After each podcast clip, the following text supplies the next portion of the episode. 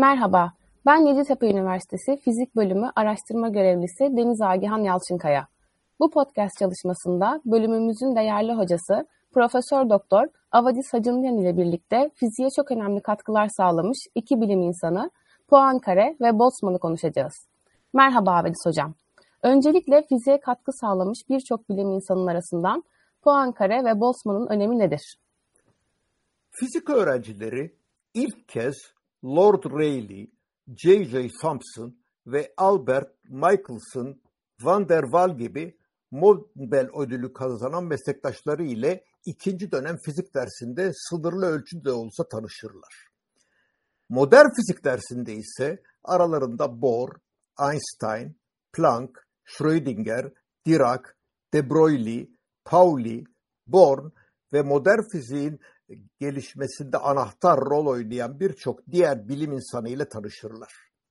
Yalnız burada dikkat çeken dört istisna vardır. Fiziksel teorinin geliştirilmesinden önce periyodik cetveli geliştiren Mendeleev, fizik yerine kimya ödülünü alan Rutherford, Wilhelm Wien'e verilen Nobel ödülünün Boltzmann'a verilmemesi ve muhtemelen matematikteki daha önemli katkıları nedeniyle Nobel alamayan Poincaré. Burada bu son iki bilim insanının katkılarını kısaca tanıtmak istiyorum. Modern fizik kitaplarında Boltzmann'ın adı sıklıkla kara cisim ışıması ve Maxwell-Boltzmann dağılımı ile ilgili olarak geçer. Poincaré'nin adına ise hemen hemen hiç tesadüf edilmez. Poincaré'nin hayatı nasıl geçmiştir ve günümüzde birçok sinema eserinde de işlenen bir konu olan modern kaos teorisi, kelebek etkisine Poincaré nasıl bir katkı sağlamıştır? Önce Poincaré'yi tanıyalım. 29 Nisan 1854'te Nancy yakınlarında doğdu. Babası üniversite tıp profesörüydü. Genç yaşta geçirdiği hastalık nedeniyle bir süre evde annesi tarafından yetiştirildi. Liseye başladığından itibaren tüm derslerinde üstün başarı gösterdi. 1870 Fransa-Prusya Savaşı'nda sağlıkçı olarak görev yaptı. 1873'te Politeknik Okulu'na birincilikle girdi, 1875'te mezun oldu. Mezuniyetinden önce ilk önemli yayınını yapmıştı. Öğrenimine madencilik okulunda sürdürdü ve 1877'de Maden Ocakları Birliği'nde mühendis olarak çalıştı. Doktorasını Paris Üniversitesi'nde Hermit'in yönetiminde diferansiyel denklemler dalında 1879'da tamamladı. 1881-82 yıllarında diferansiyel denklemlerin entegralinden önce geometrik özelliklerini inceleyerek diferansiyel denklemlerin nitel teorisi alanını yarattı. Denklemi çözmeden bir çözüm ailesinin davranışı hakkında en önemli bilgiyi elde etmenin nasıl mümkün olduğunu gösterdi. Gök mekaniği ve özellikle üç cisim problemiyle bağıntılı olarak matematiksel fizikteki problemleri başarılı ile kullandı. Çalışmaları ile başlangıç koşuluna duyarlılık, bağımlılık kavramını geliştirdi. Üç cisim problemine kesin e, çözüm getirememekle birlikte yaptığı araştırmada modern kaos teorisinin temellerini atan kaotik bir determinist sistemi keşfeden ilk kişi oldu. İsveç kralı tarafından korulan bir ödülü kazandı. Hem de kelebek etkisi adıyla bilinen modern kaos teorisinin başlangıcını bulmuş oldu. Son yıllarda modern fiziği betimleyen devrimlerden biri olarak nitelenen böyle bir kuram, gerçi matematik alanında sürekli ancak türevi olmayan fonksiyonlar şeklinde Weierstrass tarafından da ortaya atılmış, Poincaré'nin de dahil olduğu pek çok matematikçi tarafından kabul görmemişti. Gerçekte kaos teorisi ayrı bir podcast'te tartışılacak hacim ve önemlidir. Poincaré'nin fiziğe katkı sağladığı diğer alanlar nelerdir? Özel görelilik teorisi, kütle çekim yasası, kısa erimli nükleer kuvvet ve entropi kavramı hakkında yaptığı çalışmalar nelerdir?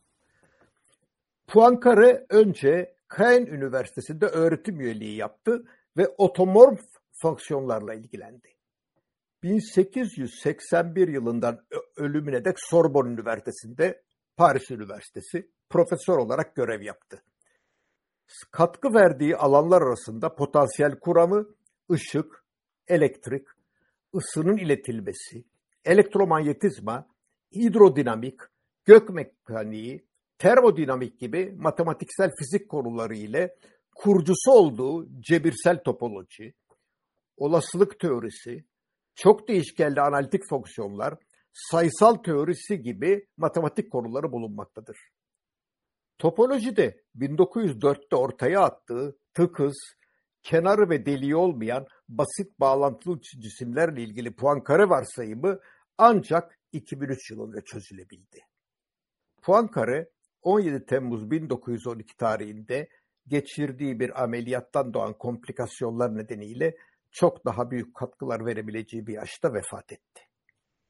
Poincare'nin fizikteki önemli katkılarını şu şekilde hatırlatabiliriz. Einstein tarafından oluşturan genel görelilik teorisi tümüyle onun katkısıdır. Ancak özel görelilik teorisi Einstein, Lorentz ve Poincare'nin ortak katkılarıyla son şeklini almıştır. Poincare'nin görelilik kuramına yaptığı katkılar Einstein'dan 4 hafta önce Lorentz'in kendi adı ile arılan dönüşümlerle ilgili olarak yazdığı bir makalede matematiksel olarak Einstein'ın kuramından ayırt edilemeyecek bir kuram şeklinde sunulmuş olmasıdır. Bu Poincare adına öncelikli olduğu iddialarına yol açmıştır. Aslında Poincare 1900'de Einstein'ın 1905'te fiziksel zaman ve uzayı yeniden tamamlamasına doğru çok önemli bir adım atarak elektromanyetik olaylar için görelilik ilkesinin geçerliliğinin düzgün hareket eden sistemlerde belirli bir zaman koordinatı tanımına bağlı olduğunu fark etti. Aslında 1873'te bir süre çalıştığı Fransız Meridyenler Bürosu'nda saatlerin senkronizasyonu ve evrensel zaman önerilerini geliştirdi. Zaman senkronizasyonun önemine ilk kez işaret etti. Ancak esir kavramını koruyarak Einstein'ın ışık hızının tüm koordinat sistemlerinde aynı olduğu varsayımına ihtiyaç duymadı. Poincare'nin burada çok önemli bir katkısı da Lorentz dönüşümlerini oluşturan grubun Lie cebirini ve hızların toplama kuralını ilk kez bulmasıdır. Bu katkı ile Lie cebirlerinin fizikteki önemini, değişmezlik ve simetri ile ilgisini vurgulamış oldu. Kütle çekim yasasını kısmen Lorentz kovaryant şekle getirdi. İlk kez kütle çekimsel dalgaların oluşabileceğini varsaydı.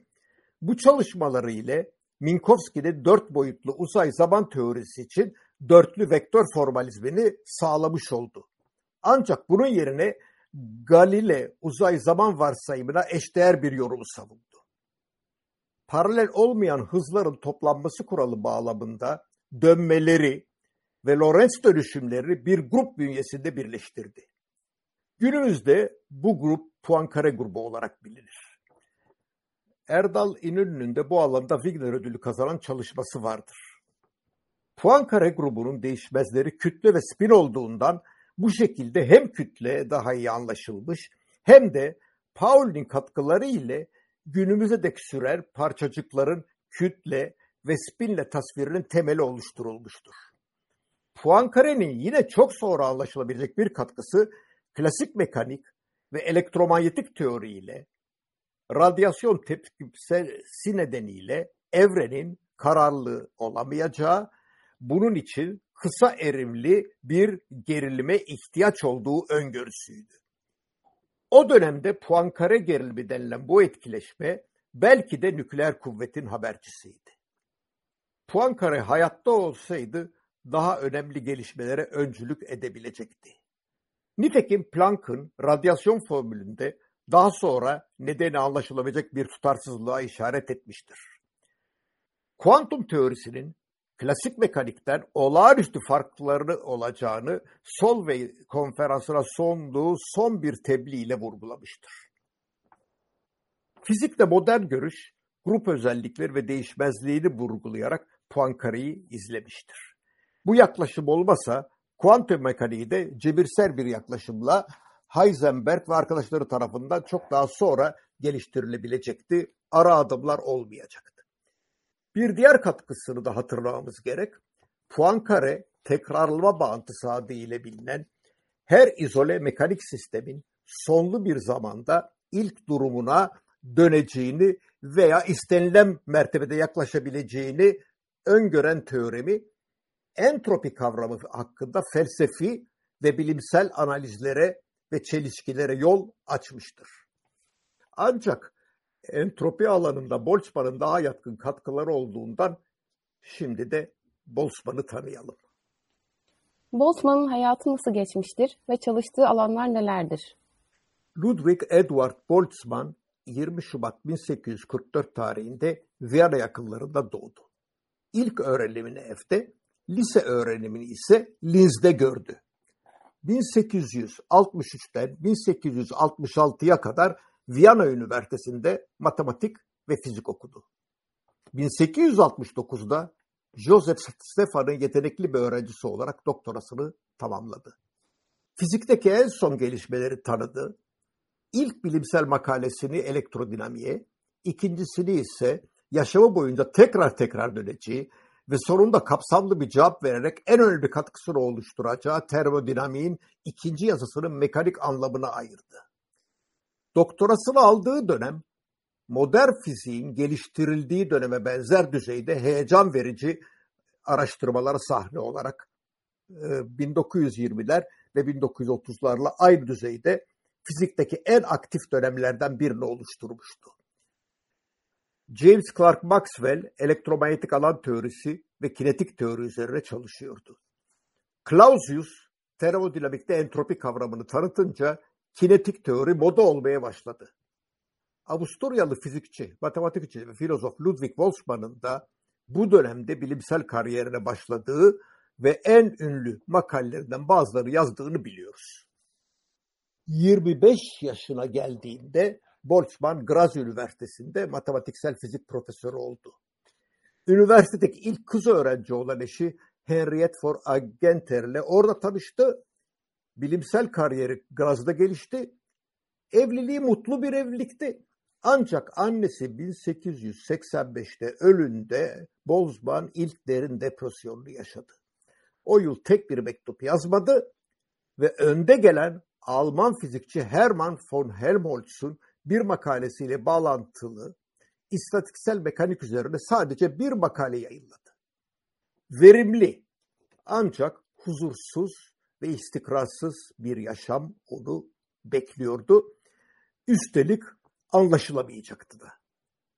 Berlin'de Helmholtz ile bilimsel ilişkilerin ardından 1888'de orada fizik profesörü olarak Gustav Kirchhoff'un yerine geçmeyi kabul etti ancak son anda geri çekildi. İki yıl sonra Boltzmann dersleri tamamen teorik fiziğe ayırabileceği Münih Üniversitesi'ne geçti. Münih'teki akademik hayattan zevk aldı ancak üniversite emekliliğini sağlayamadığından 1895'te Stefan'ın yerine geçmek için Viyana'ya geri döndü. Ancak kısa süre sonra bu kararından da pişman oldu ve 1900'de Leipzig Üniversitesi'ne gitti. Orada da uzun süre kalmayıp iki yıl içinde bir kez daha Viyana'ya döndü. Boltzmann'ın çalışmalarının bir özelliği makalelerinin çoğunun çok ayrıntılı bir şekilde işlenmesi nedeniyle zor okunmasıydı. Maxwell bile Boltzmann'ın makalelerini zor bulduğunu belirtmiştir. Diğer çok fizikçinin de aynı düşüncede olması şaşırtıcı değildir. Eylül 1872'de Viyana'daki annesine Berlin'deki fizik topluluğuna bulduğu H teoremi üzerine bir ders verdiğini ancak kendisiyle ilginç bir tartışmanın geliştiği Helmholtz dışında neredeyse hiç kimsenin onu takip edemediğini yazmıştır. Örneğin Boltzmann'ın H teoremi ve Boltzmann iletim denklemini içeren 1872 tarihli meşhur makalesi yaklaşık 87 sayfa uzunluğundadır. Bu çalışma hem termodinamiğin ikinci yazısına mikroskopik ve mekanik bir açıklama getiren hem de yoğun madde fiziğinde sıklıkla kullanılan önemli katkılardır. Denklemin kesin çözümü yoktur ancak yaklaşım çözümleri pek çok fiziksel olayı açıklar. Bu makalede önerilen H teoremi ideal gazın bir entropisini olasılığa dayanan bir şekilde yorumlar. Bu devrim niteliğinde bir buluştu. Çünkü hareket denkleminin çözümüyle fiziksel büyüklükler arasında çok sayıda benzer sistemden oluşan bir topluluk üzerine ortalamalar şeklinde bir bağıntı gönderilmiştü. Bu Bos çok Boltzmann'a itirazlar buradan kaynaklanmış değil mi? Maalesef. maalesef. Boltzmann'ın çağdaşlarından çoğu katı determinizmden bu ayrılığı kabul edemediler. Bu itirazlar paradokslar şeklinde formüle edildi. En göze çarpan itirazlar Boltzmann'ın arkadaşı Joseph Loschmidt'in 1876'daki tersinirlik paradoksu yani entropi artışının zamanda tersinirlikle çelişmesi ve 1896'da E. Zermelo'nun Poincare yineleme bağıntısı ile entropi artışı arasındaki çelişkisiydi. Diğer bir deyimle entropi artışının zamanın yönünü tayin etmesiydi. Boltzmann bu itirazları istatistiksel argümanlarla karşıladı. Boltzmann'ın fikirleri için verilen bu mücadele 40 yıl sonra kuantum mekaniğinde de aynen yaşanacaktı. Boltzmann 1926'da Max Born tarafından önerilen kuantum mekaniğinin istatistiksel yorumunun yolunu açmaya yardımcı olmuştu. Bunun da kabul edilmesi zaman aldı. Kuantumun önde gelenlerinden Einstein, Schrödinger, De Broglie ve Planck bu olasılık yorumuna itiraz ettiler. Kuantum teorisinde gelişenler Nobel'i 1932 ve 33'te alırken Bohr 1954'ü bekleyecekti. Son zamanlarda bu yorumun doğruluğu deneysel olarak da kesinleşti. Ruh hali bu yüzden mutluluktan depresyona bu kadar şiddetli bir şekilde değişebiliyordu. Nitekim 5 Eylül 1906'da Trieste yakınlarında tatildeyken yaşamına son verdi. Boltzmann'ın atom kuramı hakkında tutumu nedir? Boltzmann atom kuramına baştan beri inanmış ve bu teoriyi en başarılı şekilde uygulamıştır. Lavoisier ve Dalton'un öne sürdüğü atom kuramı kimyada genel kabul görmesine rağmen fizik camiası tarafından uzun süre kabul görmedi. Kuantum teorisinin kurulucularından Planck bile Boltzmann'la uzun süre bu konuda tartışmış, ileri bir aşamada atom teorisi konusunda ikna olmuştur. Boltzmann'ın iki öğrencisi Nernst ve Arrhenius kimya dalında Nobel ödülünü almıştır. Boltzmann'ın bu ödülü alamaması, Rutherford'a kimya dalında ödül verilmesi bundan kaynaklanmış olabilir. 19. yüzyıl fiziğe analize dayanan sınır değeri problemleriyle gelişti. Bu fizik camiasına öylesine yerleşti ki kuantum mekaniğe cebirsel yaklaşan Heisenberg değil de bunu bir sınır değer problemine indirgen Schrödinger yaklaşımı daha erken erken yaygınlaştı.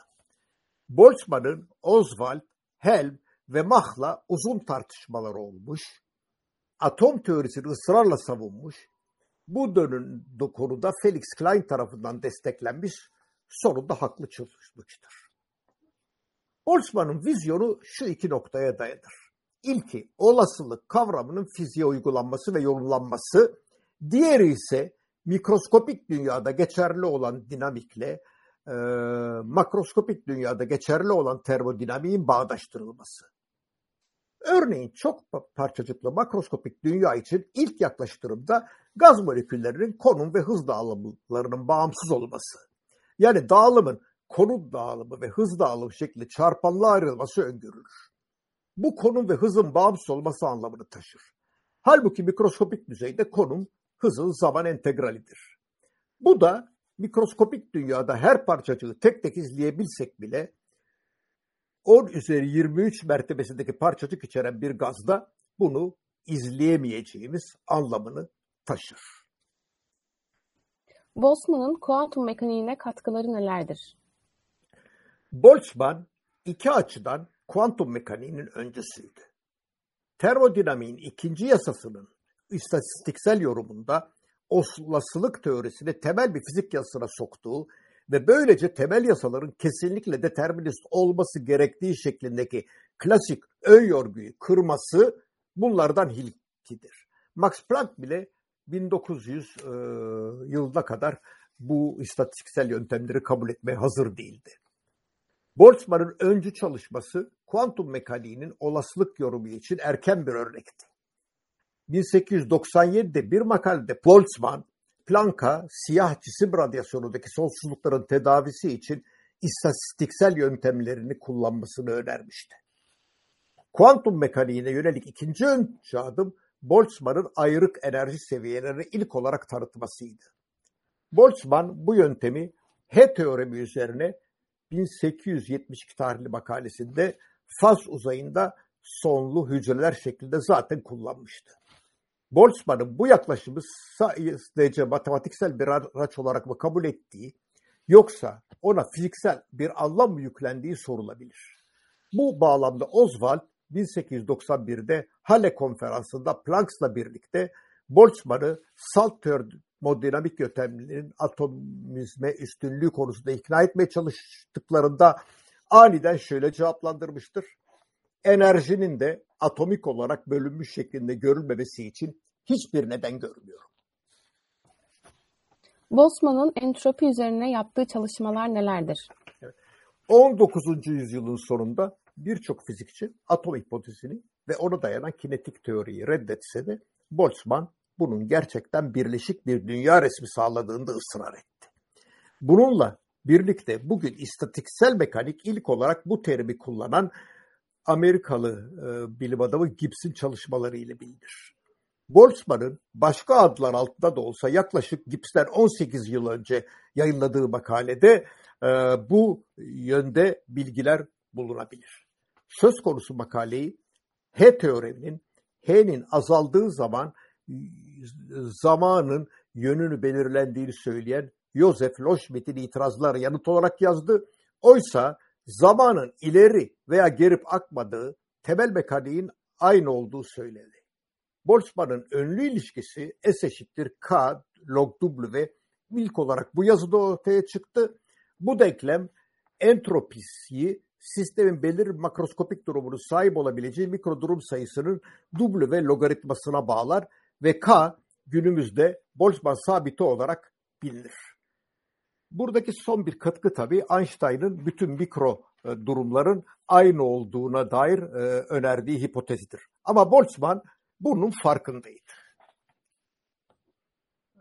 E, w makroskopik durumunun olasılığıyla orantılı olduğundan denge durumu açık ara en olası durumdur.